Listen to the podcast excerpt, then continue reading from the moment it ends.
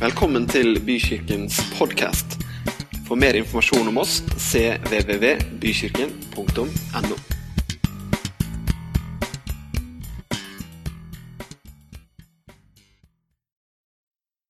Ja, dette er jo stas, er det ikke det?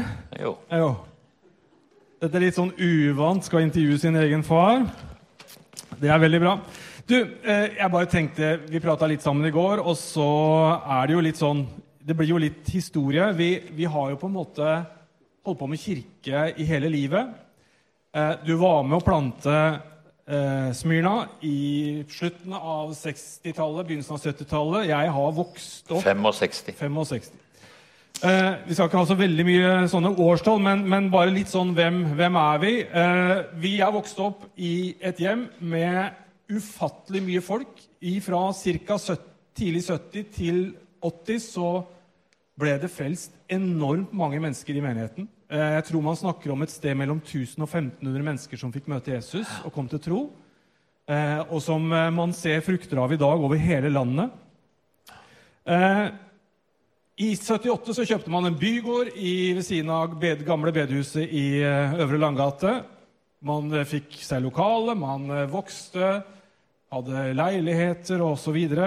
Og så stoppa det litt opp. Vi kom til slutten av 80-tallet, og i 89 så ble du i en alder av 40 år spurt om å være pastor. Eh, Det første du gjorde, hva var det? Det var å sitte og skrive ut alle som var i menigheten omtrent. Ja. Så, så i 89 så kom jeg tilbake fra bibelskole. Du hadde blitt pastor. Eh, Vi hadde Vi kan ta første bilde. Eh, Men, men vi, vi, var, vi var ikke veldig mange, for å si det sånn. Det var, ikke, det var liksom ikke en mengde mennesker. Men det var en god del voksne, og så var det noen ungdommer. Og så satte vi i gang. Hva, hva tenkte du når du starta der?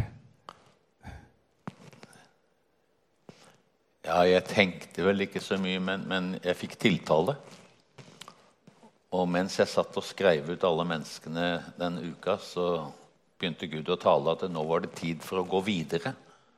Og Jeg husker jeg sa til Gud ja, men det er jo fullt her når vi har fire på den ene raden og seks på den andre.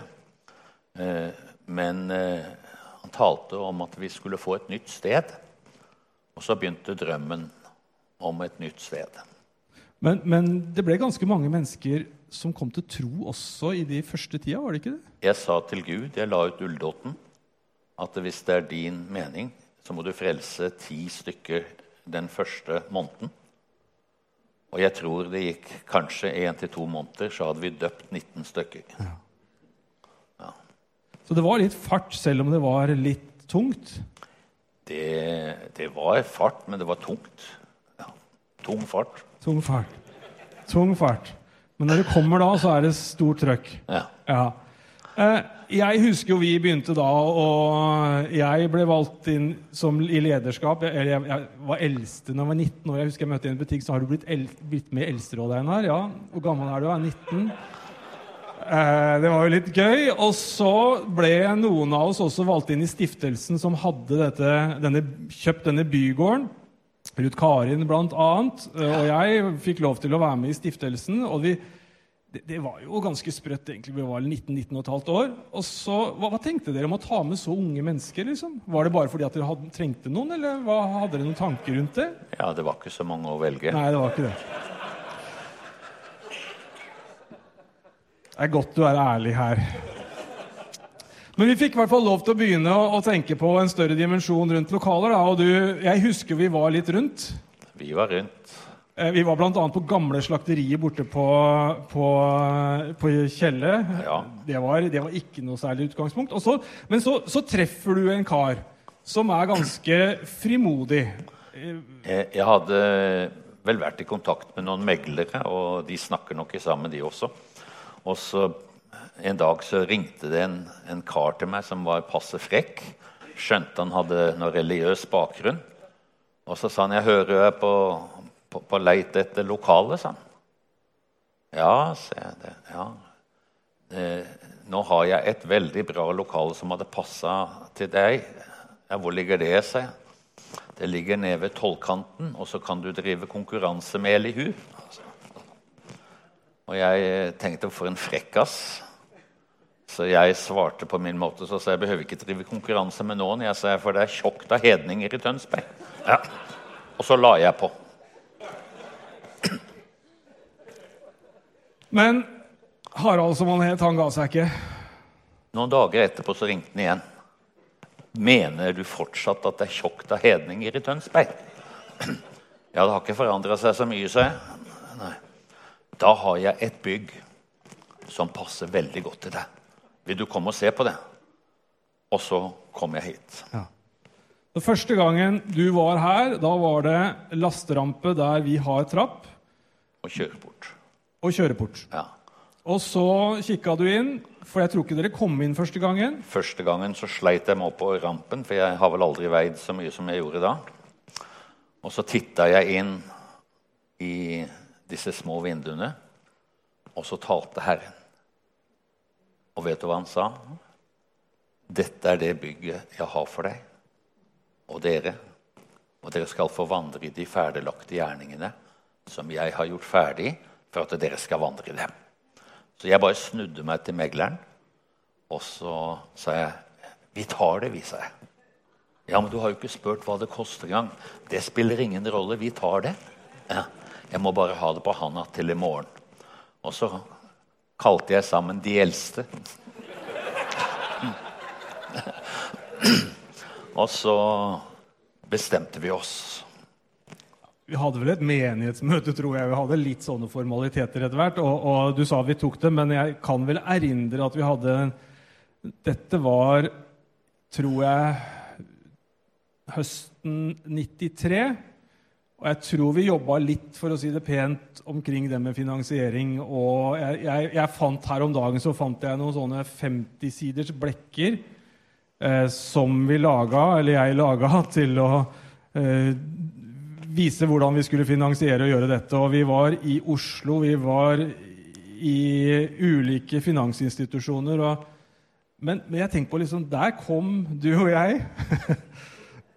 jeg var 24. Uh, ja, men vi var eldste begge to. Vi var eldste begge to. Og, og, og kom, og, og, vi møtte da veldig mange som ikke syntes dette var stas. Og så møtte vi noen Jeg husker ikke annet enn at hun het Jorunn i DNB, men jeg husker ikke etternavnet hennes nå, men hun trodde på oss. Hun trodde på oss. Og det, det huska ikke Einar. Men jeg sier det idet vi går ut, at du kommer til å finansiere oss.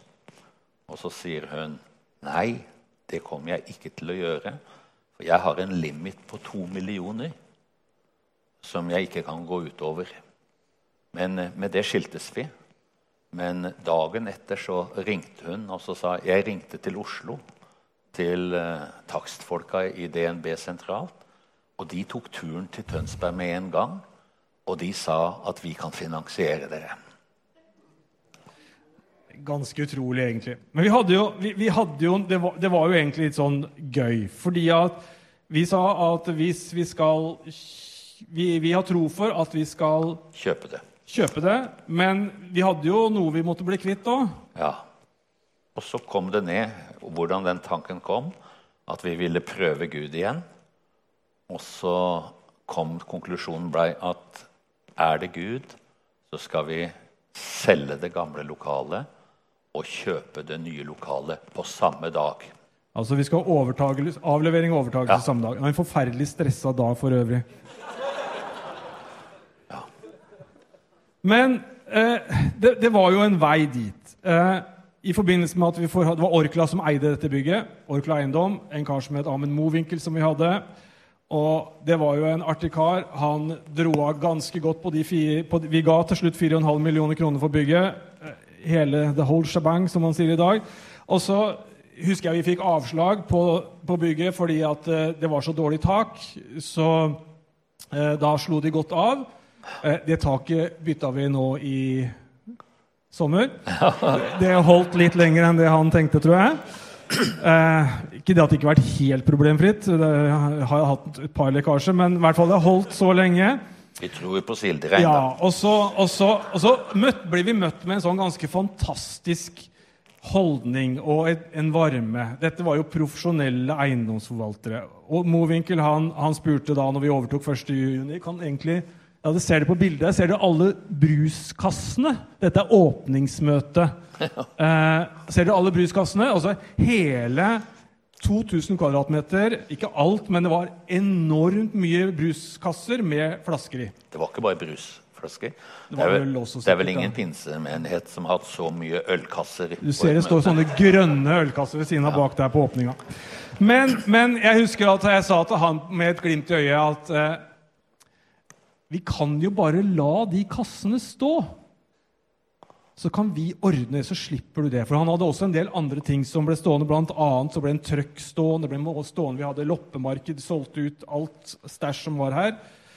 Eh, og så begynte taksameter og kalkulatoren å gå i huet på ham sånn. Nei, det, det går jo ikke, Einar.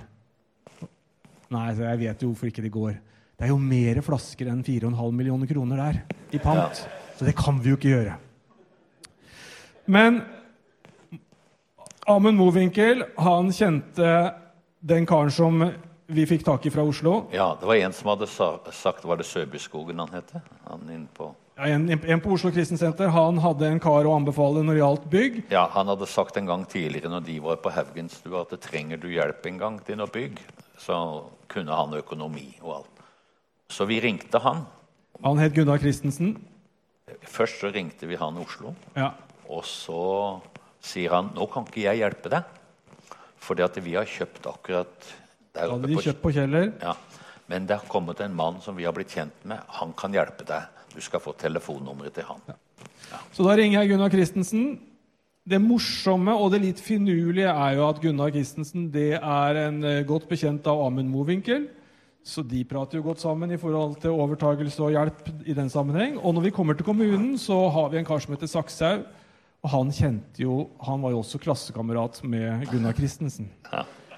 Så det var jo egentlig sånn i oppspinn, oppstarten til den ombygginga og overtagelsen 1.6, så, så, så la det seg jo enormt til rette. Jeg må jo Altså- fortelle en liten ting der, Einar. Vi fikk bruksendring før vi skrev kontrakt. Og det har aldri skjedd i Tønsberg. Nei. Det, det er ganske finurlig. Ja.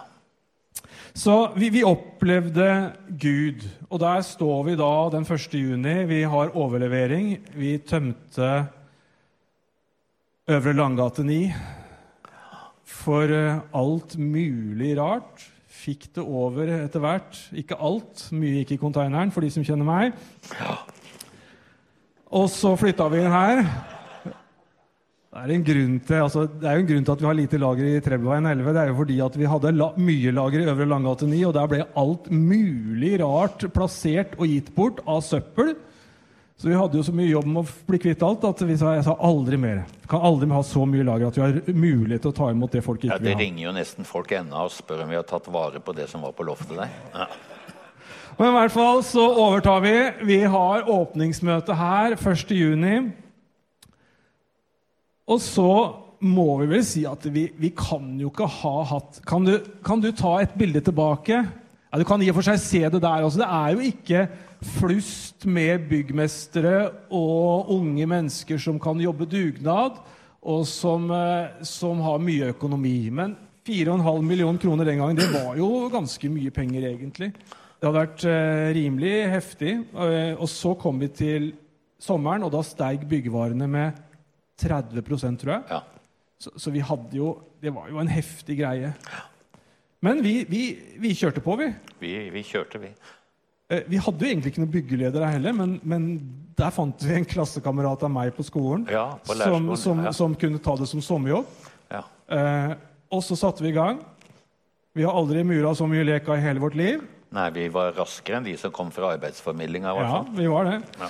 Eh, så vi bygde og fikk med oss folk, ansatte mange, og det ble et kjempekjør i tre måneder, fire måneder. Vi, vi, vi holdt på, vi overtok og hadde åpningsmøte i begynnelsen av oktober. Så i år så er det vel på disse tider rundt 29 år siden vi hadde åpningsmøte her. Ja. Men du hadde tro for det. Du skulle ha stoler, blant annet. Ja, vi, vi skulle ha stoler, og, og, og det, eh, det kom Det er jo samme fabrikken dere har kjøpt fra nå. De kom her og fortalte hvem de hadde solgt stoler til. Og bl.a. Oslo Kristne Senter. Så Einar ringte Oslo Kristne Senter, og de mangla 500 stoler på å få skikkelig rabatt. Så vi kjøpte stolene sammen med Oslo Kristne Senter og fikk den rabatten. Det er en av grunnene hvis dere har merket at det er like stoler her og der, eller har vært helt frem til for et års tid siden, så, så, er det årsaken til at det er like stoler. Men da, da kobla Gud sammen ting. Gud kobla sammen, og, og, og Ikke forkleinelse, men det er mange innen forskjellige samfunn, trossamfunn, som, som lo godt når de hørte vi skulle kjøpe lokale her og hadde kjøpt og sånn. Men eh, den som ble sist, ble best. Men jeg tenker jo sånn menneskelig sett, når jeg ser på bilder, tenker gjennom, så, så må det ha vært en trosdimensjon som eh, satte skikkelig skylapper på alt av fysiske, eh, menneskelige ressurser på veldig mange ting. Ja, altså troen, hjertetroen, den er det ingen som kan ta. Hadde jeg brukt forstandstroen, så hadde vi aldri vært her. Nei, men, men vi trodde Gud, og, og, vi opplevde å gå i de ferdiglagte gjerningene som Gud har gjort ferdig for vi skal vandre i dem. En ting som man ofte ikke regner med, det er det at det, det er ofte jobbikt. Det er det. Men Gud, han står bak. Og, og, jeg husker jo bare en sånn ting vi Plutselig så Alt var jo blitt dyrere, og vi mangla en million til. Og, og, banksjefen Lia kom hit bort til oss og sa han ja, jeg har tenkt på bortover. Hvorfor skal jeg gi dere mer penger? Ja. Han hadde jo gitt mer enn vi skulle få. Ja. Men så sa jeg du har ikke noe valg, du, for du har vært med på å begynne dette her. Ja ja, da får du en million. Ja. ja. Så, så, så, sånn har vi holdt på med. òg, så, ja. Men vi må jo si at uh, vi har stått i tro, men det har jo ikke bare vært enkelt bestandig. Det har, det har, jo, vært, det har jo vært krevende til tider å stå i tro, har det ikke det? Det, det er derfor jeg er blitt en gammel mann så tidlig. Så tidlig? Ok. Ja. Nei da, men, eh, men, selvfølgelig Men tro er noe unikt det kan ikke regnes på. Det er noe man må, man må tro og stole på Gud. Mm. Og, og, og, jeg må jo bare berømme eh, Ruth Karin. Hun liker vel ikke det så godt bestandig, men jeg pleide jo å si at vi har vokst opp i sammen. Mm. For, for, disse ungdommene Det var ingen som kunne gjort det bedre enn dem. For dem sto på, og vi jobba dag og natt og, og, for dette. og jeg hadde sagt at jeg skulle ikke Jeg var forresten den eneste som aldri prøvde trøkken, for jeg var livredd for det. den trøkken. Ellers så tror jeg alle kjørte trøkk, og den hjalp oss veldig. Men eh, jeg husker jeg skulle til Afrika, og det mangla Vi hadde ikke fått fuga gangen og toaletten og innover her. og Jeg fikk med meg ei dame som bor på Vestlandet nå. Hun skulle være med til Afrika, hun òg. Hun har aldri vært så trøtt, for vi dro herfra klokka halv tre om natta og skulle reise fra nei, fra Fornebu dagen etterpå morgenen. Og sånn, Men vi fuga hele natta. Og når jeg kom hjem, så fikk jeg skjenn fordi vi hadde ikke vaska reint. Så det måtte nok pusse en del. Men vi fuga alt sammen. Etterkant, ja. Vi lå i Oslo. Vi fikk ut av denne Gunnar Christensen så fikk vi en etasje. Demontering. Ja, da skrudde vi ned og fikk, fikk vi en etasje fra Bryn eiendom, som det het der han jobba. Eh, Røde Kors skulle flytte ut, og det skulle rives. Og da var vi noen dager inne på de varmeste dagene i juli, skrudde ned en hel etasje med gips og, og hva skal du si, veggsystemer. Og så er det et som er hele annen etasje i dag, med stort sett alt av dører og, og glassvinduer mellom rom og sånn. Det er gamle Røde Kors på Bryn. Ja. Eh, som vi skrudde i tre dager. Jeg husker det var veldig varmt, for de ikke, siden de hadde stengt lokalene, så hadde de skrudd av ventilasjonen der også. og med gips og isolasjon. Det, det klødde godt. Ja. Men, men, men vi ble veldig velsigna av det. det. Det var liksom det var, det var jo ikke noe stopp. Det var jo bare å kjøre på. Jeg, jeg var inne der en dag aleine også. Husker jeg, eh, Vi hadde leid lastebil hos Geirmundsen. Og, og så snakka jeg med Haldis i telefonen, og så sier hun at det var en som hadde ringt meg. Og så sier han 'Ring meg når du er på vei hjem'. Ja. Og av den dagen så stopper heisen der inne. Og du kan ikke gå med gipsplater ned. Så, så det tok tid før den heisen kom i gang igjen. Så klokka ett satte jeg bilen her om natta. Og jeg tok telefonen, og så ringte jeg han karen. Og han sa du er jo, du er jo helt gal. Ja, ja, men du sa jeg skulle ringe når jeg kom hjem, sa jeg. Ja. ja. Så vi sto på. Men eh, det har gått bra. Yes. Jeg tror vi må runde av der. Vi kunne holdt på lenge. Ja. Jeg tror vi har brukt mer enn den tida vi skulle bruke på dette. ja. Men dimensjonen av å kjenne sin fortid gir også noe som kan forme vår framtid. Og det er så godt å kunne mimre litt og være litt takknemlig for det som har vært. Nå skal vi få lov til å høre deg tale. ja. Det er en god stund siden de har talt her sist. ja det må være 15 år siden, tenker 15 år siden. Vi gleder oss veldig til å høre deg. Eh, vi er veldig takknemlige for det du gikk foran med for snart 30 år siden. Eller det er 30 år siden i år, faktisk, vi, det vi, som ble påbegynt da. At du fra tidlig tid hadde en dimensjon av tro til Gud, og tro til at det å bygge kirke har et lengre perspektiv. Nå ser du i dag at det er en ganske mye større forsamling enn da du preka her sist. Men eh, vi får lov til å gå fremover og ha tro til at Gud skal gjøre og ha en tanke for framtida sammen. Jeg kan tale litt tro for dere. Det kommer til å bli helt fullt her. Yes, Da skal du få lov til å tale også.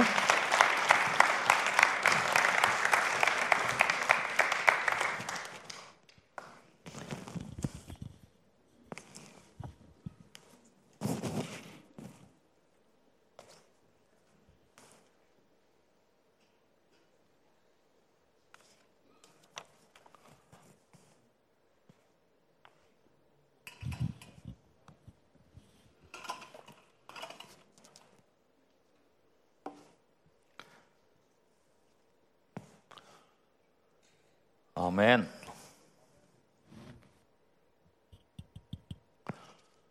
Når du får beskjed om hva du skal preke om, så, så må man jo prøve på det.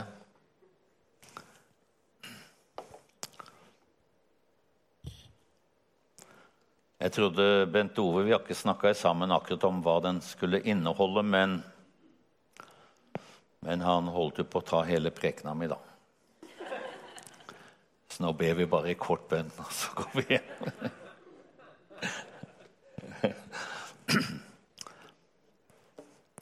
Jeg skal, Overheadingen min i dag den er 'Tro som et sennepsfrø'. Det er noe av det eh, jeg elsker. Jeg har alltid med meg når jeg preker rundt, så har jeg med sennepsfrø. Eh, for det er det det er snakk om. Og sennepsfrø det er ca. 760 frø på ett gram. Og planten kan bli over to meter høy. Så det er en dimensjon. Og når Jesus han sier i Johannes 14, 14,1 La ikke hjertet bli grepet av angst. Tro på Gud og tro på meg. I Matteus 13, 31 Nå ser det ut som jeg har veldig mye med meg, men, men jeg har store bokstaver av en eller annen grunn. Jeg skal ikke komme inn på det. I Matteus 31, 13, 31 så står det en lignelse om Jesus. Himmelriket er lik et sennepsfrø. Det er mindre enn noe annet frø. Men når det har vokst opp, er det større enn andre hagevekster, så det blir til et tre. Og himmelens fugler kommer og bygger rede i greinene på det. Det forteller litt om dette her, at eh, himmelriket er likt et sennepsfrø som en mann tok og sådde i åkeren sin. Og det er noe av dette med, med troen. Eh, når troen blir sådd. Og jeg vil bare si det her at det, det er ikke den kjempestore troen først og fremst Gud ser til. Men han ser til deg og meg om vi har tro. Ja. Og vi kan plante, vi kan vanne, men det er Gud som gir vekst. Amen. Halleluja. Og, og, og det er der ofte eh, Jeg pleier å si det at uh, forstandstroen den er ute av bildet. Den har spilt fallitt, men troen på den levende Gud, den er vår mulighet. Jeg vet ikke om noen av dere har sett den reklamen, reklamen på, på TV om hun lille jenta som går ut i en hjemmelaga rakett. Faren og broren de driver og raker, og de ser på hverandre og tenker nå, nå har det klikka helt for henne. Ja. Ja. Men hun går inn i raketten, og så plutselig så farer den opp i lufta. Og så snur sønnen seg mot faren, og så sier, sier han ingenting er klin kokus umulig. Ja. Ja. Og det er ingenting eh, som er umulig for den som tror. I Matteus 17, 20 Eh, så er det Jesus han helbreder en gutt med en ond ånd. Far til gutten han sier at sønnen han er månesyk. Han lider forferdelig. Og så kommer dette her. Det er bakhistorien. Så forteller Jesus da i verset her Fordi dere har så lite tro, svarte han.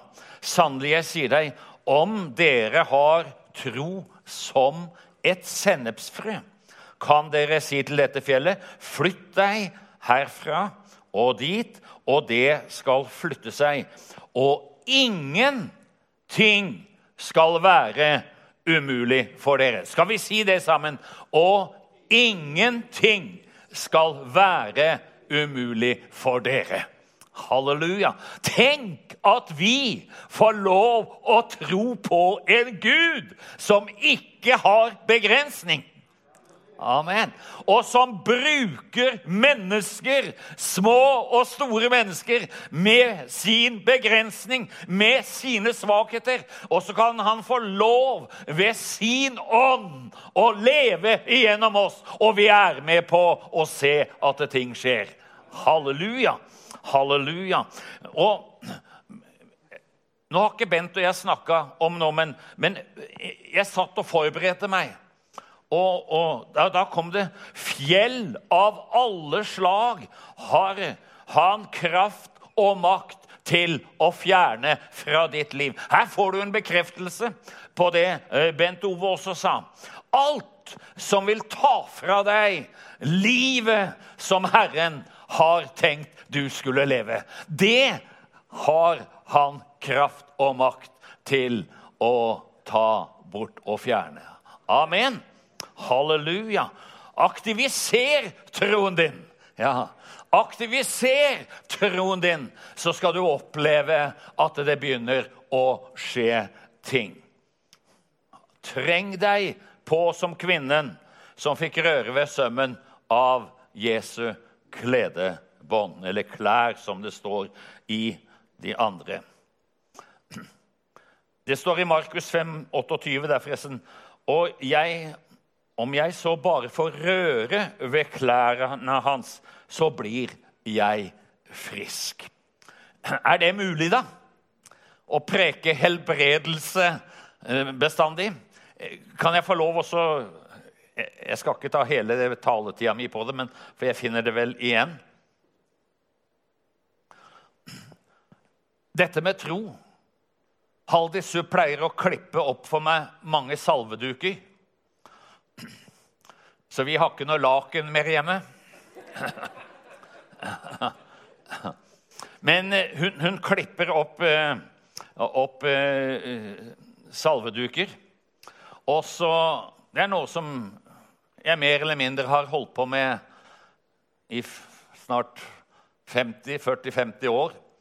Og brukt salveduker. Det er jo også ikke kluten, men det er troen på at han har sagt vi skal salve med olje i Herrens navn. For en tid tilbake så fikk jeg en melding fra ei dame. Og så sier denne dama i meldingen «Eh, jeg har ei venninne som er sjuk. Kan du sende meg en salveduk, Myre? Og det gjør jeg. Jeg sender salveduken. Og jeg ber for den. Og så kom det melding. Hei, Alfred. Jeg tar ta riktig melding, da, kanskje. Og så skal jeg oversette den fra nynorsk til norsk. Jeg fikk en fantastisk melding fra venninna mi i dag. Hun som du gav salveduk til. Hun skrev at i går, på selve oppstandelsesdagen, altså påskemorgen, reiste Gud henne opp. Hun ble totalt helbreda. Slo opp, sto opp av sengen, kledde seg og gikk ut og satte seg i stuen, full av energi. Hun var så lykkelig. Og så kommer dette. Etter ca. 18 år syk med ME og mange av disse åra bundet til sengen, er dette fantastisk. Amen. Halleluja. Jeg tror det er på tide at vi eh, aktiviserer troa vår, sånn at vi kan komme inn i den dimensjonen nå, og ikke leve ut fra det vi ser, men leve ut fra hva Guds ord sier, som er våre muligheter. Halleluja. Tro, det er ikke antakelser eller optimister. Tro, det er ganske enkelt å stole på Gud. Tro kan også beskrives med to ord tro og visshet. Så enkelt er det. Troen begynner med en tillit til Gud og det han kan gjøre. Amen. Den karakter som Gud har. Han kan gjøre det mulig som er umulig. Halleluja. En overbevisning om at eh, han er den han sier seg å eh, være. Jeg vet det at eh, når jeg taler tro, så er det ikke alle som sier du kjenner ikke vårt tilfelle, det jeg står i, men jeg kjenner en Gud som kan. Halleluja. Og det er det som jeg forholder meg til, og troen på Han. Sann tro sier at Gud kommer til å holde sine løfter. Amen. Det sier Guds ord. Og hva har vi ellers å forholde oss til hvis ikke vi skal gjøre det? Amen. Hebreerne 11,1. Troen er en pant på det vi håper, et bevis på det vi ikke ser. Og, og her så er dette ordet fra gresk oversatt eh, fra pistis, og det betyr overbevisning fullstendig overtalt. Ja. Halleluja. Altså troen. Og jeg bruker også en svensk bibel mye. Tro er Det innebærer at vi stoler på Han, at Han en dag vil innfra vårt håp og redde oss. Er ikke det fantastisk? Han ønsker å svare oss. Tro er en pant. Nå hadde vi masse flasker her som vi kunne panta for flere millioner, som sto i bygget. Ja. Men, men det var usikkert. Men altså, vi har et pant. Vi har en sikkerhet på at han vil eh, svare uh, våre bønner når vi tror. Troen er noe du har. Men å tro, det er noe du gjør. Jeg kan ta et eksempel. Du har sikkert hørt det før, men det gjør jo ikke noe. En sykkel er noe du har, og sykle er noe du gjør. Amen. Altså, du kan ha sykkelen stående der, eh, så fin og blank, men eh, å sykle er noe helt annet. Ja. Og jeg tror det her er noe av dette vi taler om tro. Vi, vi trodde Gud, og vi begynte å sykle når vi kjøpte Trelleborgveien. Og vi kunne ikke stoppe rundt første hjørne, ja. for det var en lang vei å sykle. Det er tre dimensjoner av det overnaturlige.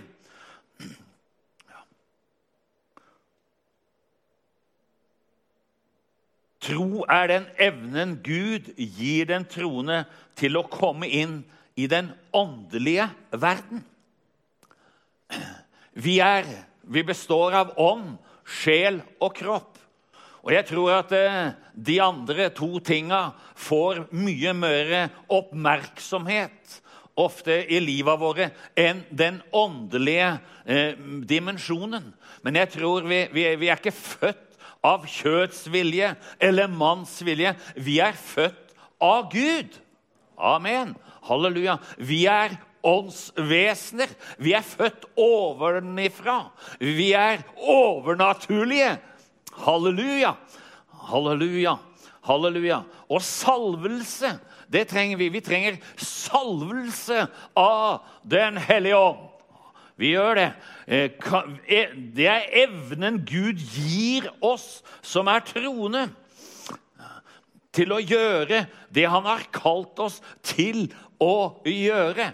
Gull og sølv, det har jeg ikke, men det jeg har Amen. Det gir jeg deg, eh, sa den på vei opp til tempelet. Og det er det Gud vil vi skal komme inn i. Over, den overnaturlige verden. Lever du i den overnaturlige verden?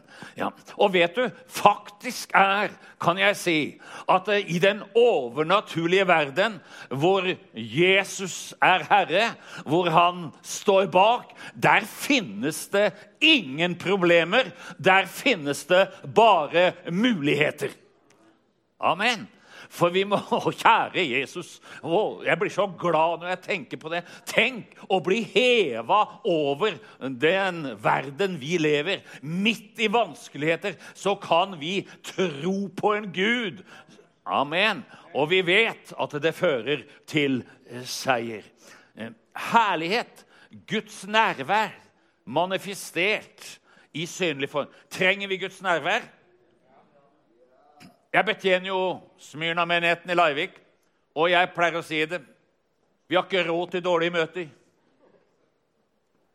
Nei. Nei. Vi har ikke råd til å ha dårlige møter. Vi trenger Guds nærvær. Vi trenger atmosfære. Amen. Vi trenger det. Det kom inn på møtet i Larvik så kom det inn tre damer, blant annet. Det var flere der, muslimske. Du så bare øya. Den var godt nedpakka. Ja. Innpakka. Ja. ja. Og de kommer der. De kunne ikke norsk. Men i, i ettermøtet så plutselig så går armene i været. Det var et sterkt møte. Og så bare løfter de hendene og så roper de på engelsk 'Jesus, frels meg!' Amen. Og vi trenger vi trenger Guds herlighet og Guds nærvær. Og jeg tror det er den enkeltes oppgave å be ned Guds velsignelse, sånn at ikke han blir så tørr, han som preker. Ja. Ja. At det må være salve av dem som synger. Halleluja. Amen. Ja. Amen. Amen. Halleluja. Vi trenger det. Og vet du, når vi har Guds nærvær, så vil han manifestere seg, og vi vil se det skjer ting som ikke er naturlig, men som er overnaturlig. Amen. Halleluja. Amen. Tro er den faktoren som forsikrer oss om at Gud vil handle, at han verken kan lyve eller svikte sitt ord. Er det noen her som har tatt ei skrøne noen ganger? Ja. I kristne rekker så kaller man det jo ikke løgn, kaller man det hvite løgner. Men dem er svarte, dem òg. Ja. Johannes 7, 37. På den siste dagen i høytiden, den store festdagen, sto Jesus frem og ropte, 'Den som tørster' skal komme til meg og drikke. Og den som tror på meg, fra hans indre skal det, som Skriften sier, renne elver av levende vann. Halleluja! Dette sa han om ånden de som trodde på ham, skulle få. Ånden var ennå ikke kommet, for Jesus var ennå ikke blitt herliggjort. Altså, det naturlige er å leve i Den hellige ånd. Amen. Det er naturlig at det renner fra deg. Amen. Halleluja. Det er det som Herren om, Er du tørst, så drikker du. Ja. Og det er det vi skal. Eh, er det noen som er tørste her i dag, kom til meg og drikke. Drikk av det levende vann. Og, og vet du, det står om Profeten sier de har hogd ut brønner som ikke holder vann. Ja.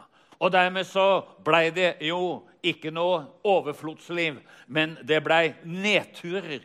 Men Herren ønsker, og han vil, fylle deg så det flyter over. Halleluja. Amen. Ordet er deg nær, sier Romerne 10,8. Eh, ordet er deg nær i din munn og i ditt hjerte. Vet du, Fylden kommer når troens ord blir levende i oss. Amen. Vet du, Jeg tror på forandring og forvandling blant Guds folk. Ja.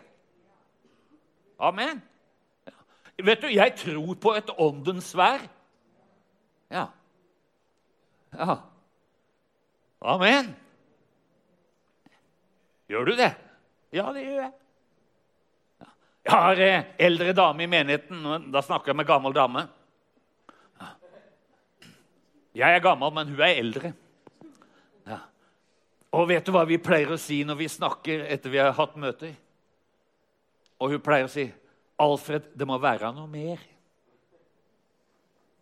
Ja. Amen. Ja, noe mer skal vi ikke parkere. Akkurat før hun fylte 92, så ba til frelse med foto, fotterapeuten. Ja. Amen. Amen. Så feirer vi at hun var 92. Og så ringte han da. 'Jeg beklager, Alfred, at jeg bryr deg sånn.' Du jo, hadde jo møte i går, og det ble seint. Men jeg må fortelle deg en ting, sa Ja, bare fortell, du. Så det går bra. Ja. ja. I dag ble friserdama frelst. Amen. Halleluja. Og kommet inn i overfloden. Amen. Halleluja. Og vet du, det er noe av det Vet du hva jeg kjenner? Når jeg får lov å leve i den atmosfæren, i det Gud har, så skjer det noe. Ikke fordi at det, det jeg heter Alfred Myhring, men fordi at det flyter fra meg som et kar til ære for ham. Amen. Halleluja. Halleluja. Halleluja. Amen. Og vet du, troens ord er planta i ditt og mitt hjerte. Men vi må vanne den, og det må vi be Den hellige ånd om å gjøre. Amen. Så vil det vokse, og så vil det komme muligheter som du aldri før har sett. Amen. Så kommer da troen, sier Romerne 10, 17, av forkynnelsen. Og forkynnelsen skjer med Kristi ord. Kristi ord er grunnlaget. Vi må spise Guds ord mye mer. Og det gjør ikke noe om du blir åndelig feit. Nei, halleluja. Nei, det gjør ikke det. Men vi trenger mye mer av Guds ord. Og at det får lov å, å, å være basis for livet. Salig er det en mann og den kvinne som har sin lyst i Herrens lov, og som grunner på Hans lov dag og natt. Han skal være, hun skal være lik et tre som er planta ved rinnende bek bekker. Du vet jo, Ingen av oss er frelst for å være ei tørrgran. Nei. Nei. Vi er ikke det. Vi er frelst for at vi skal leve. Halleluja. Og være sprudlende Troen det er nøkkelen til å leve fylt av Den hellige ånd hele tida og ha overflod. Vårt ansvar er at vi holder oss fylt av Den hellige ånd. Har du elbil? Da jeg kjøpte elbil for ni år siden, første, så trodde alle jeg var gal. Og den går ikke så veldig langt. I hvert fall ikke på kalde dager, den jeg kjøpte den gangen. Jeg har aldri hakka så mye tenner i mitt liv.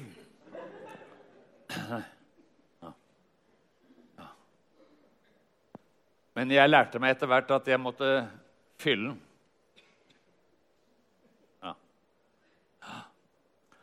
Og jeg har aldri sett sånn bevegelse i Haldis som når vi holder på å gå tom for strøm. Vi hadde kjørt det feil i Drammen og kom inn i tunnelen. Oppover til Krokstadelva, eller hvor det var. Og, og, og, det som var litt morsomt med bilen Jeg har aldri sett at det var så mange lamper på den. Og det lyste, vet du. Ja. Så, så, jeg har drømt om at det er sånn lysgreier skal jeg ha i lokalet, vet du. Ja. Ja. Helt fantastisk. Men jeg må fylle den med strøm. Og det er din og min, mitt ansvar, å bli fylt av Den hellige ånd. Amen. Halleluja. Og vet du her, dette her med fylt Jeg skre, sa å ha overflod. Hva, hva, vil det si å ha overflod? Å, kjære Gud, gi meg kraft så jeg klarer å sitte på gudstjenesten i dag. Eh? Gud, du er nådig og barmhjertig. Ikke sant? Å, Gud, hjelp meg så jeg klarer å stå opp. Å, Gud, liksom. Men overflod, det betyr annet fylde, masse, mengde, rikdom, luksus. Ja, halleluja. Det, vet du, Fylden av Den hellige ånd virker til ånd, til sjel og til kropp. Kan du si ammen til det? Ja, For det er det som det er. Vi, vi, kan ikke dele det opp, for vi er en helhet. Vi er nye skapninger i Kristus Jesus, alle sammen. Halleluja. Vi er hele mennesker som Den hellige ånd har tatt bolig i for at vi skal leve Kristuslivet med ham. Amen! Halleluja. Halleluja. Og det, det skal vi nok få oppleve mer av. Må dere bare si hvor lang tid jeg har igjen? Ja, ikke til jeg dør, altså, men her Guds ord, prosessen. Vi hører Guds ord, vi forkynner Guds ord, og så begynner vi å praktisere Guds ord. En nøkkel til å leve fylt av Den hellige ånd er å praktisere det du har lært. Amen. Sitter, vi sitter inne med så mye. Vi, vi, vi sitter inne med så mye kunnskap. Og vi er proppa. Og vi har sittet så mye vet du, at vi trenger jo fysioterapeut, hele gjengen. Ja. Ja. Ja. Vi gjør det. Jeg, når jeg satt og forberedte meg, så tenkte jeg på bestefaren min. Han ble frelst 36 år gammel. Og så fikk han en jobb lenger oppe på Finnmarka. Skulle bestyre et fiskebruk. Og Så reiste han opp der. Så tok det et år før familien kom opp. Det var ikke bare å reise hjem på Langviken den gangen. Og når de kom opp der et år etterpå, så hadde han starta én menighet og begynt arbeid på en annen. Han hadde ikke rekt tre år, fem år på bibelskole. Ja. Men vet du, han blei fylt av Den hellige ånd. Amen. Halleluja. Halleluja. Han hadde hørt ordet, og han forkynte ordet. Altså, og han begynte å praktisere det, og det blei til frelse. Og, og, flere menigheter etter det var det han som var drivkrafta bak. Amen. Halleluja. Vet du, tro sånn et sennepsfrø. Ja. Eh, jeg har ikke med meg mikroskopet, men jeg er jo gammel urmaker. Så i flere år så drassa jeg med meg når jeg hadde møte rundt, et arbeidsmikroskop som jeg hadde. Og så forstørra jeg opp et, et, et uh, lite uh, sennepsfrø. Hundrevis av ganger forstår jeg det opp. Og når du titter i mikroskopet på det, så ser du at det lille frøet det er fullt av porer. Ja. Det ligner på en tennisball. Ja. ja. Og Det er fantastisk. Og noen av dem la jeg i vann et par dager, og så så du hvordan de hadde forandra seg. Halleluja. Og sånn er det med troen på Jesus. Gi han mulighet til å salve troen din med Den hellige ånd, og du vil se at Tønsberg blir frelst. Halleluja. Amen. Amen. Jeg kan fortelle her i dag at da Smyrna-menigheten begynte, og Gamlemyring, far min, leide Bjørns kafeteria, som var ved jernbanen den gangen, så var det mange som sa du, du, det går ikke. Og, og, en som var i ledelsen, han tok veska si, og så reiste han seg så gikk han. 'Du er gal, du, Myring', sa han. 'Du kjører hele menigheten i grøfta', du, sa han. Ja. ja. Al altså, men far han brukte sennepstroen sin, og mennesker ble frelst. Det lukta så vondt han når han kom hjem, at mine brødre som ikke var kristne, de ville ikke spise middag ved samme bord. For han hadde vært overalt og nådd mennesker. Halleluja. Første Samuels bok, 1529. Han som er Israels ære, lyver ikke og angrer ikke. Amen. For han er ikke et menneske som angrer. Det Gud har gitt deg i troen, det tar han ikke tilbake. Men han ønsker å få komme til deg og salve deg, så at du kan ha frisk salvelse i livet ditt. Amen. Halleluja. David han ba 'forny en stadig ånd i meg'.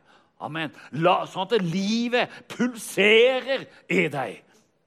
Jeg, jeg, jeg, kunne stå her og fortelle mange sånne artige historier. Ja, jeg har det. Jeg, jeg, pleier å gå inn i en butikk ja, og, og, handle når jeg kommer fra møtene om kvelden. Og, og, og, det har vært fint i den butikken. Men en dag så står jeg i tilbudskassa der klokka 11 om kvelden. Og jeg ser en mann han har tatt en sånn fin indrefilet. Og den koster, Om det er halv pris, så koster den jo masse. Men, men, han legger ned. Og Så går jeg bort og så løfter jeg opp den der. Ja. Og Så ser jeg mannen stå lenge borte. Det var den jeg hadde lyst på. Ja. Og så sier Den hellige ånd ja. Si til han at han kan få den. Men spør om du får lov å gjøre én ting. Ja, hva da? sa jeg til Den hellige ånd. Velsign den. Og Jeg hadde med meg et par karer også.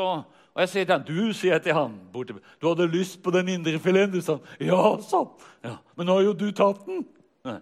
Du kan få den, sa jeg. Hvis jeg får lov til én ting. Ja, det er greit, det, sa han. Og så tok jeg bare, og så la jeg hendene på den mannen. vet du. Og så vel, Det ble helt stille i hele butikken. Ja, ja, ja. Og så bare velsigner jeg den i Jesu navn. Halleluja. Og vet du, han skifta farge som et trafikklys. Ja. Det er en annen side av saken. Men vet du, jeg har ikke sett en mann så fort ut av butikken. Men han, han er velsigna. Amen. Og det er noe av dette jeg eh, holder på med, og som jeg kjenner at troslivet inneholder. Det er alle overraskelsene. Ja. Halleluja. At det, eh, det Gud har gitt meg Om jeg har vært nede, så er han oppe. Amen. Om jeg har vært eh, troløs, så har han vært trofast. Og så har han ikke sagt nei, nå er det slutt på salvelsen, Alfred. Nå blir det ikke flere velsignelser for deg. Ja, Du har misbrukt det og det. Men nei, han har kommet på nytt igjen. Halleluja. Og han har kommet med frisk salvelse av Den hellige ånd. Og så har jeg fått lov å gå videre i tro med ham. Halleluja. Halleluja. Eh, I Jesaja 55,10 skal jeg ta, jeg skal ta med det ellevte verset der. Slik er mitt ord som går ut av min munn. Det vender ikke tomt tilbake til meg, men gjør det jeg vil, og fullfører det. Amen. Hva sier ordet? Ja, Det er det som teller, ikke hva du føler, men det er det han ønsker med deg. Amen. Jeg tror jeg skal stoppe der i dag. Ja. Jeg kunne talt også om når troen blir prøvd. Det er en annen side av troen. Men eh, det skal vi ha til eh, gode. Men, men hør her. Eh, begynn å slippe troen løs i ditt liv. Ja. Slipp den løs i ditt liv. Gi den. Vann den. Amen. Og du skal få lov å gå inn i nye ting. Amen.